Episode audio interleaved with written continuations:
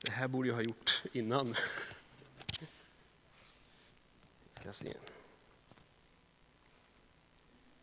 Då är frågan, är den på? Hör ni mig? Ja, bra. God morgon.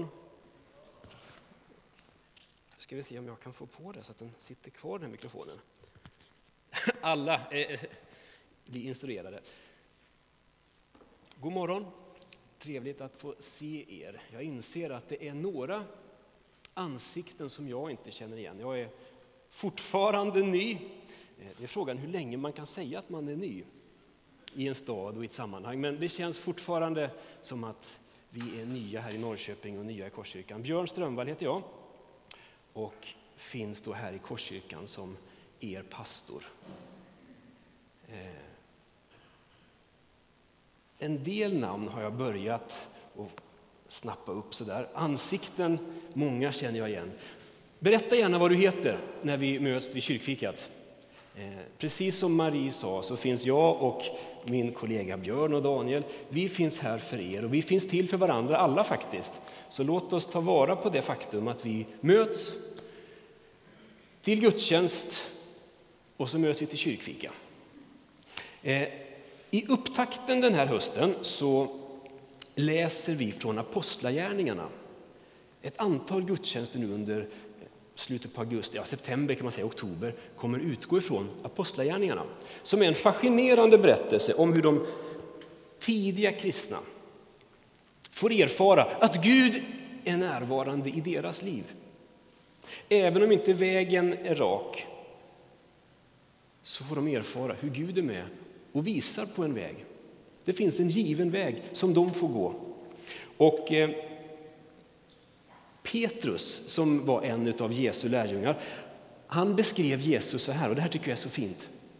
Att Jesus, han är vägvisaren till livet. Han vill leda alla människor in i det goda livet. Jag har kommit för att ni ska ha liv och liv i överflöd, sa han. Och Petrus sa, kolla på Jesus, följ honom, han är vägvisaren till livet. Så när vi samlas så här för att läsa Bibeln tillsammans så gör vi det i tron att Gud vill tala. Inte bara allmänt, utan faktiskt personligt, som Marie inledde med. Vi tror att Gud faktiskt är personlig. Han bryr sig om helheten, men också dig. Så när vi nu ska läsa och landa i en bibeltext så är ju våran bön att Gud ska tala till oss. Och det gör han på olika sätt för att våra livssituationer ser olika ut. Så var uppmärksam så att du inte tappar bort det som Gud själv vill tala med dig om den här morgonen. Apostlagärningarna är en fascinerande bok. Och eh, eh vi ska kolla in, snubbla in i kapitel 10 som har en väldigt enkel struktur. Vi ska inte läsa hela kapitlet, men lite kort kan man säga att så här ser dispositionen ut. Eh, läs gärna kapitel 10 när du kommer hem, för det här är en fascinerande berättelse. De första åtta verserna så presenteras vi för en man som heter Cornelius. Och just nu ska jag inse att jag ska försöka tala lite långsamt, för jag märker att efterklangen här inne, jag är inte van i den. Ibland pratar jag för snabbt. Eh, det kommer att sjunka, hoppas jag. Eller så blir jag, det är lite svårt ibland att sänka tempot. Första åtta verserna, vi möter Cornelius. Sen så presenteras vi för en annan karaktär, nämligen Petrus. Och sen slutar det här kapitlet med att de två, Petrus och Cornelius, de möter varandra. Det är enkelt sett storyn, berättelsen som vi ska gå in i. Vi börjar med Cornelius. Så här står det. I Caesarea bodde det en man som hette Cornelius. Eh, Caesarea det ligger vid Medelhavets kust. Det är en hamnstad och det här är platsen för den romerske ståthållarens residens. Det är här som Pontus Pilatus och hans företrädare och efterträdare hade sitt residens. Det är den romerska administrationens centra och här finns det också en garnison. Och I Caesarea bodde en man som hette Cornelius och han var officer vid den italiska bataljonen.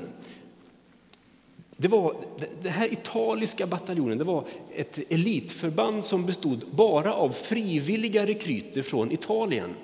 Det här var inget hopflock av, av, av legosoldater. Det här var ett elitförband som var specialtränat och väldigt lojalt.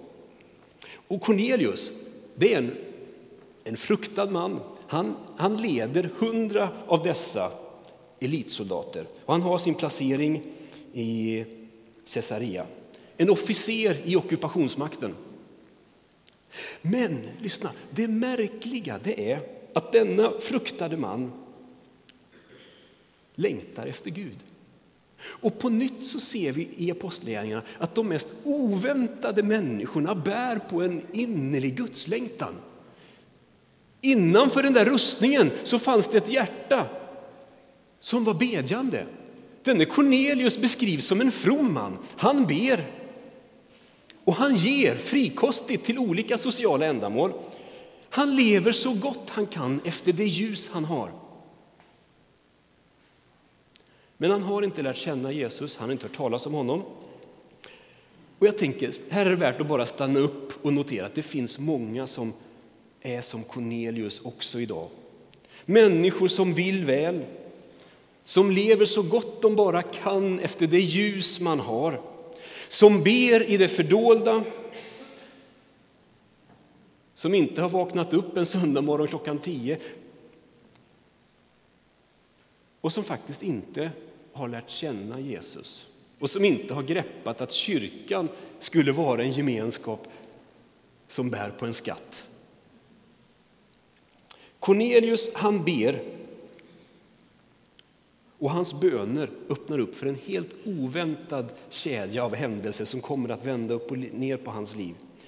Eh, utgångspunkten för det som händer det är en bön. När han ber så kommer en ängel till honom. Och lyssna. Ängeln säger Dina böner och dina gåvor har stigit upp och blivit ihågkomna inför Gud. Sänd nu några män till Joppe och skicka efter en viss Simon som kallas Petrus. Han är gäst hos garvaren Simon som har ett hus vid havet. Det är det budskap som ängeln kommer till Cornelius med. Och här är det värt att hejda sig någon sekund till och bara konstatera att Gud har omsorg om alla människor. Det är inte så att Gud börjar ha omsorg om den den dagen du blir en kristen. Långt därifrån. Gud har ju följt alla människor med stor uppmärksamhet hela tiden och på många olika sätt försökt få oss att förstå vem Gud är. På olika sätt ja, leder Gud också Cornelius till personer och sammanhang där han kan lära känna Jesus. För Jesus angår alla. Och Gud vill inte att vi bara ska famla oss runt och leva så gott vi kan efter det ljus vi har. Han vill att alla ska lära känna Jesus och också dras in i nära gemenskap med Gud. Så Cornelius blir ledd att ta kontakt med Petrus. Och då är vi framme vid nästa person, Cornelius, eh, Petrus. Eh. Petrus är ju, nästan att de allra flesta av er har koll, liksom. han är en av den tidiga kyrkans givna ledare. Oväntat, men ändå så naturligt. Tänk att Gud tar en ganska råbarkad fiskare och formar honom till en, en fantastisk ledare.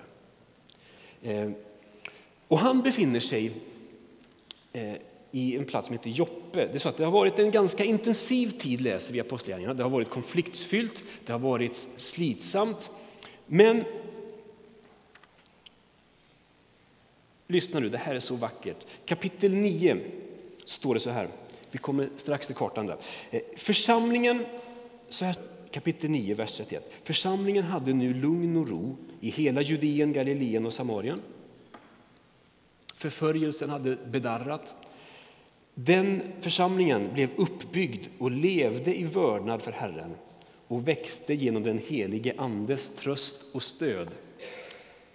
Genom den helige Andes tröst och stöd så växer den kristna gemenskapen. Och vid den här tidpunkten så hade det där trycket som vilat över församlingen något mattats av. Och Petrus befinner sig i Joppe, fem mil söder om Caesarea. En liten stad, men med en stor hamn. Och även Petrus ber regelbundet. Han håller kvar vid den där judiska bönerytmen med morgonbön, middagsbön och kvällsbön.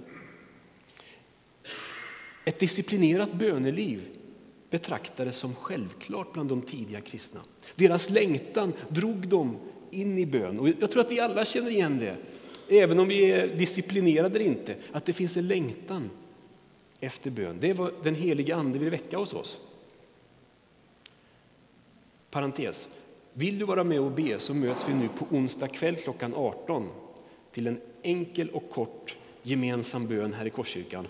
Du är jättevälkommen att vara med.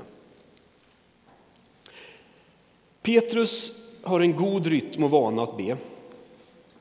Och det är naturligtvis inte så att varje gång vi ber så får vi stort ljus, stora uppenbarelser. Så är det ju inte. Men den som sällan eller aldrig ber övar heller aldrig upp sin lyhördhet för den helige Andes röst.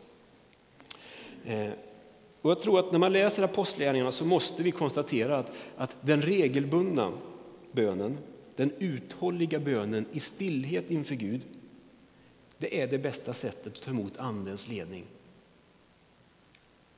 Det går inte att komma runt det.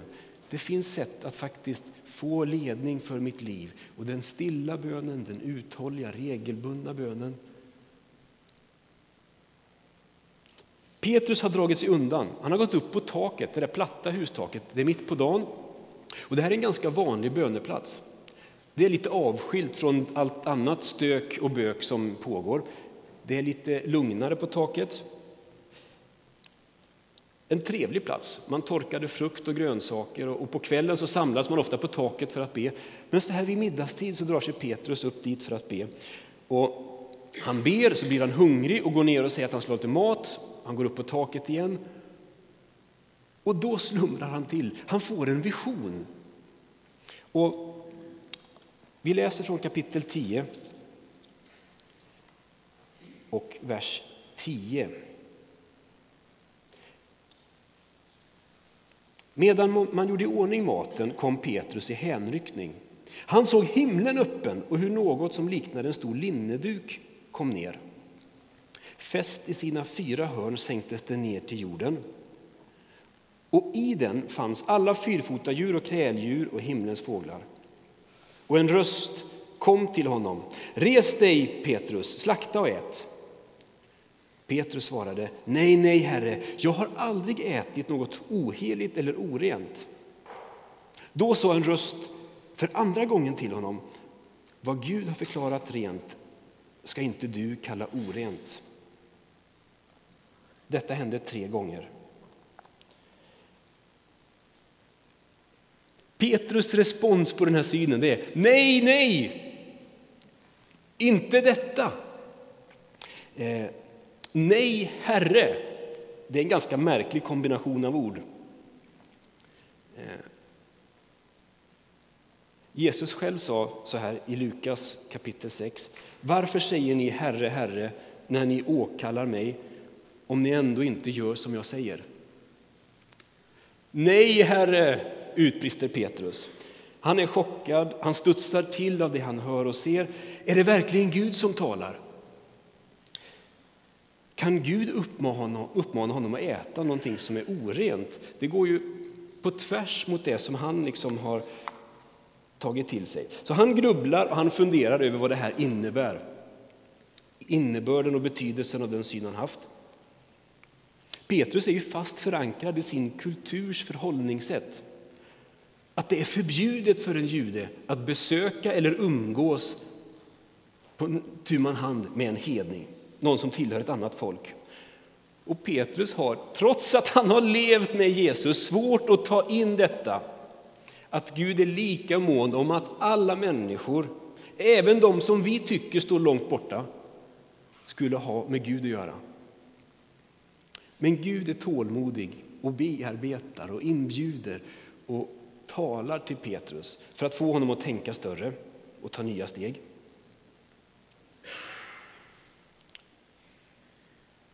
Och här tycker jag att det är värt att notera en sak till, nämligen att trots uppenbarelser och tydliga tilltal så finns det utrymme för frågor och funderingar. Han får en tydlig uppenbarelse och ändå så möter vi Petrus att han grubblar och funderar. Och de där männen som Cornelius hade sänt till Joppe för att hämta Petrus, ja, de får fråga sig fram till det hus där Petrus finns. Tydliga tilltal och ledning gör inte att allt bara är spikrakt. Det finns ändå ett visst famlande och sökande och funderande. Men det som händer det är att männen från, Joppe, nej, från Caesarea kommer ner till Joppe och de hittar Petrus. Petrus tar emot sändebuden, de pratar med varandra och när de gör det så inser de att deras erfarenheter är samstämmiga, bekräftar varandra. Och jag tänker att det där är ganska typiskt, att när Gud uppenbarar sin vilja så är det sällan bara för en person, utan för två eller fler. Och när vi talar med varandra så inser vi, ja men här ligger det någonting. Och vi blir styrkta i vår förståelse av vad Gud vill. Så Petrus han bestämmer sig för att följa med hem till Cornelius. De går de där fem milen upp till Caesarea. Och det här är ett järvt beslut. Det är modigt. Att gå hem till en hedning, det gjorde man bara inte som jude. Petrus han tar ett stort steg utanför sin trygghetszon när han gör det här. Och Det är som att händelserna som har varit tidigare upprepar sig. Den där natten när Jesus sa till Petrus kom och han steg över relingen och gick på vattnet för att Jesus kallade honom. Än en gång så står Petrus inför att ta ett stort och järvt steg för att han uppfattar att Jesus, denne trygge vän, kallar honom. Och när vi läser Apostlagärningarna så märker vi hur Gud gång på gång liksom lockar och inbjuder. Han utmanar troende människor att se utanför och bortomför den egna gruppen. Det är som att den heliga Ande liksom viskar in i de troendes öron. Kom igen, stäng inte in er. Hela världen väntar. Det här angår alla. Och det som började i Jerusalem, fortsatte i Judeen och Samarien, är nu på väg att ta ett stort steg ut i den vidare världen.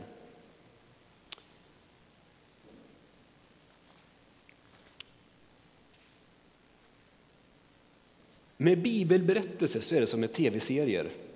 Om man inte hänger med från början så är risken att man kan tappa bort sig eller att man inte snappar upp alla detaljer. Eh, när vi har läst Apostlagärningarna, om man skulle sträckläsa några kapitel så skulle det vara omöjligt att undgå en del grejer. I tre kapitel i rad så läser vi om troende människor som radikalt utmanas att faktiskt ta steg nära det som kan tyckas vara annorlunda människor. I kapitel 8, ska vi se. I kapitel 8 så stöter vi på Filippos. Eh, och du som var här för några söndagar minns att jag predikar om hur Filippos uppmanas att lämna Samaria och bege sig ut i öknen på en öde väg. Men där träffar han en etiopisk hovman och de möts i ett samtal. Och Etiopien, den rike afrikan, tar emot Jesus. När man läser vidare kommer till kapitel 9, då, då möter du Ananias. Gud kallar Ananias att söka upp Paulus i Damaskus. Paulus, det är ju livsfarligt. Alla visste ju att denne Paulus hade kommit till Damaskus för att fängsla de troende. Det är en farlig människa. Men Gud säger till Ananias, gå till Paulus, honom har jag utvalt. Och det är klart att det var med darrande knän som denna Ananias gjorde det vansinniga i att söka upp Paulus. Men det han märker då är att innanför det där fanns det ett hjärta som längtade efter Gud. En bedjande människa. Varför sände inte Gud en ängel till Paulus? Varför gjorde sig Gud mödan att få Paulus, eh, Ananias att gå dit? Jo, det tycks som att Gud vill ha oss med i det som är hans mission. Och så kommer vi till kapitel 10 där vi läser om Petrus som för samman med Cornelius. Ser du den större bilden? Vad är det som händer? Vad är det som pågår? Gud verkar vara väldigt förtjust i att sammanföra människor av olika bakgrund. Det är därför också det för mig en sån glädje att jag igår fick vara med och predika här på en arabisktalande gudstjänst och att en del av er är här idag. Gud för oss samman.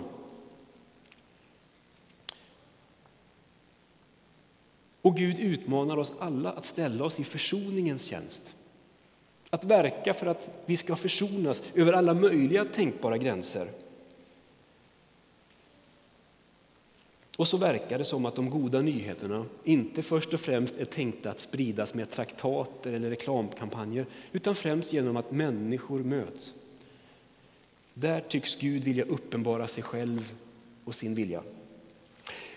Vi har mött Cornelius, vi har mött Petrus och så till slut så kommer vi till sista delen och det är när de här två möter varandra. Cornelius han har bjudit in sin släkt och sina nära vänner och alla är samlade hemma hos Cornelius. Och det första som händer när Petrus kommer in det är att Cornelius vördnadsfullt böjer sig inför Petrus. Han böjer sig för att hälsa honom välkommen. Han kastar sig till marken, står det till och med. Men omedelbart säger Petrus så här. Stig upp, jag är en människa jag också. Det där är attityden hos en Herrens tjänare. Stig upp, böj dig inte för mig, jag är en människa jag också. Petrus han har förstått innebörden av den där synen han hade några dagar tidigare på taket under bönestunden. Och han säger, mig har Gud visat att man inte ska kalla någon människa ohelig eller oren.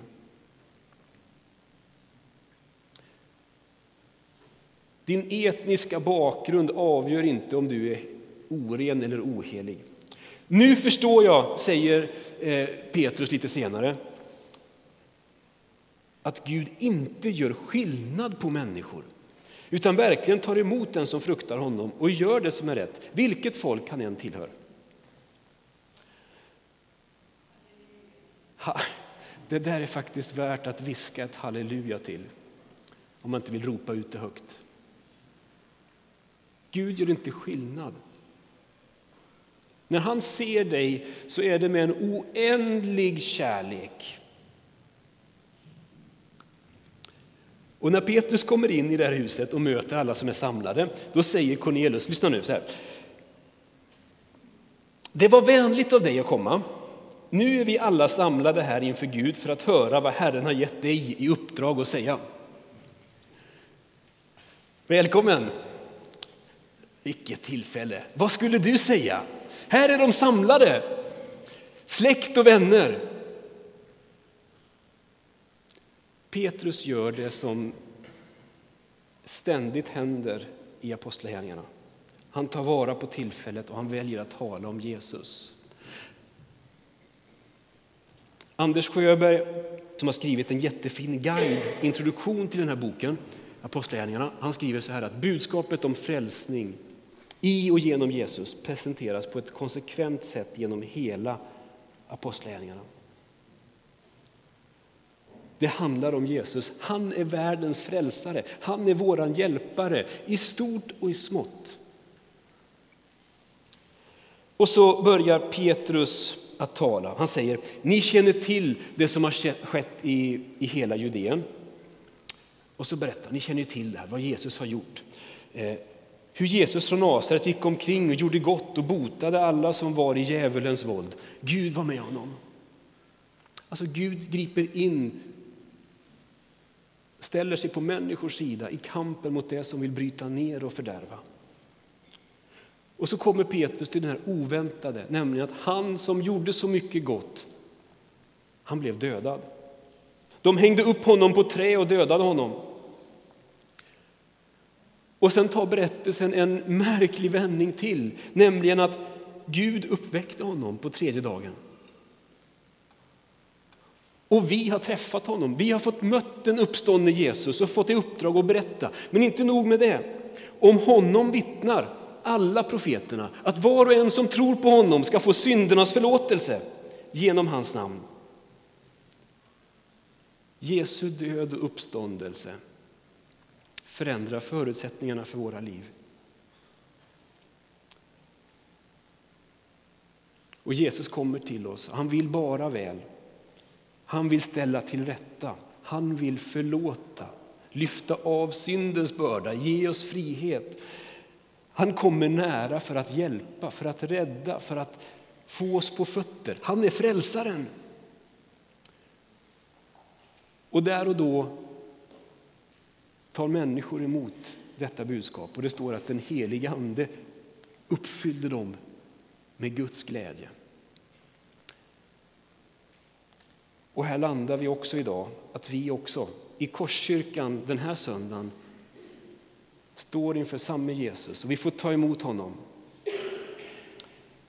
Han är inte bara Israels Gud, han är allas Herre. Och han leder oss som församling på de mest oväntade vägar. Och han leder dig och vill leda dig, för han är vägvisaren till livet. Amen.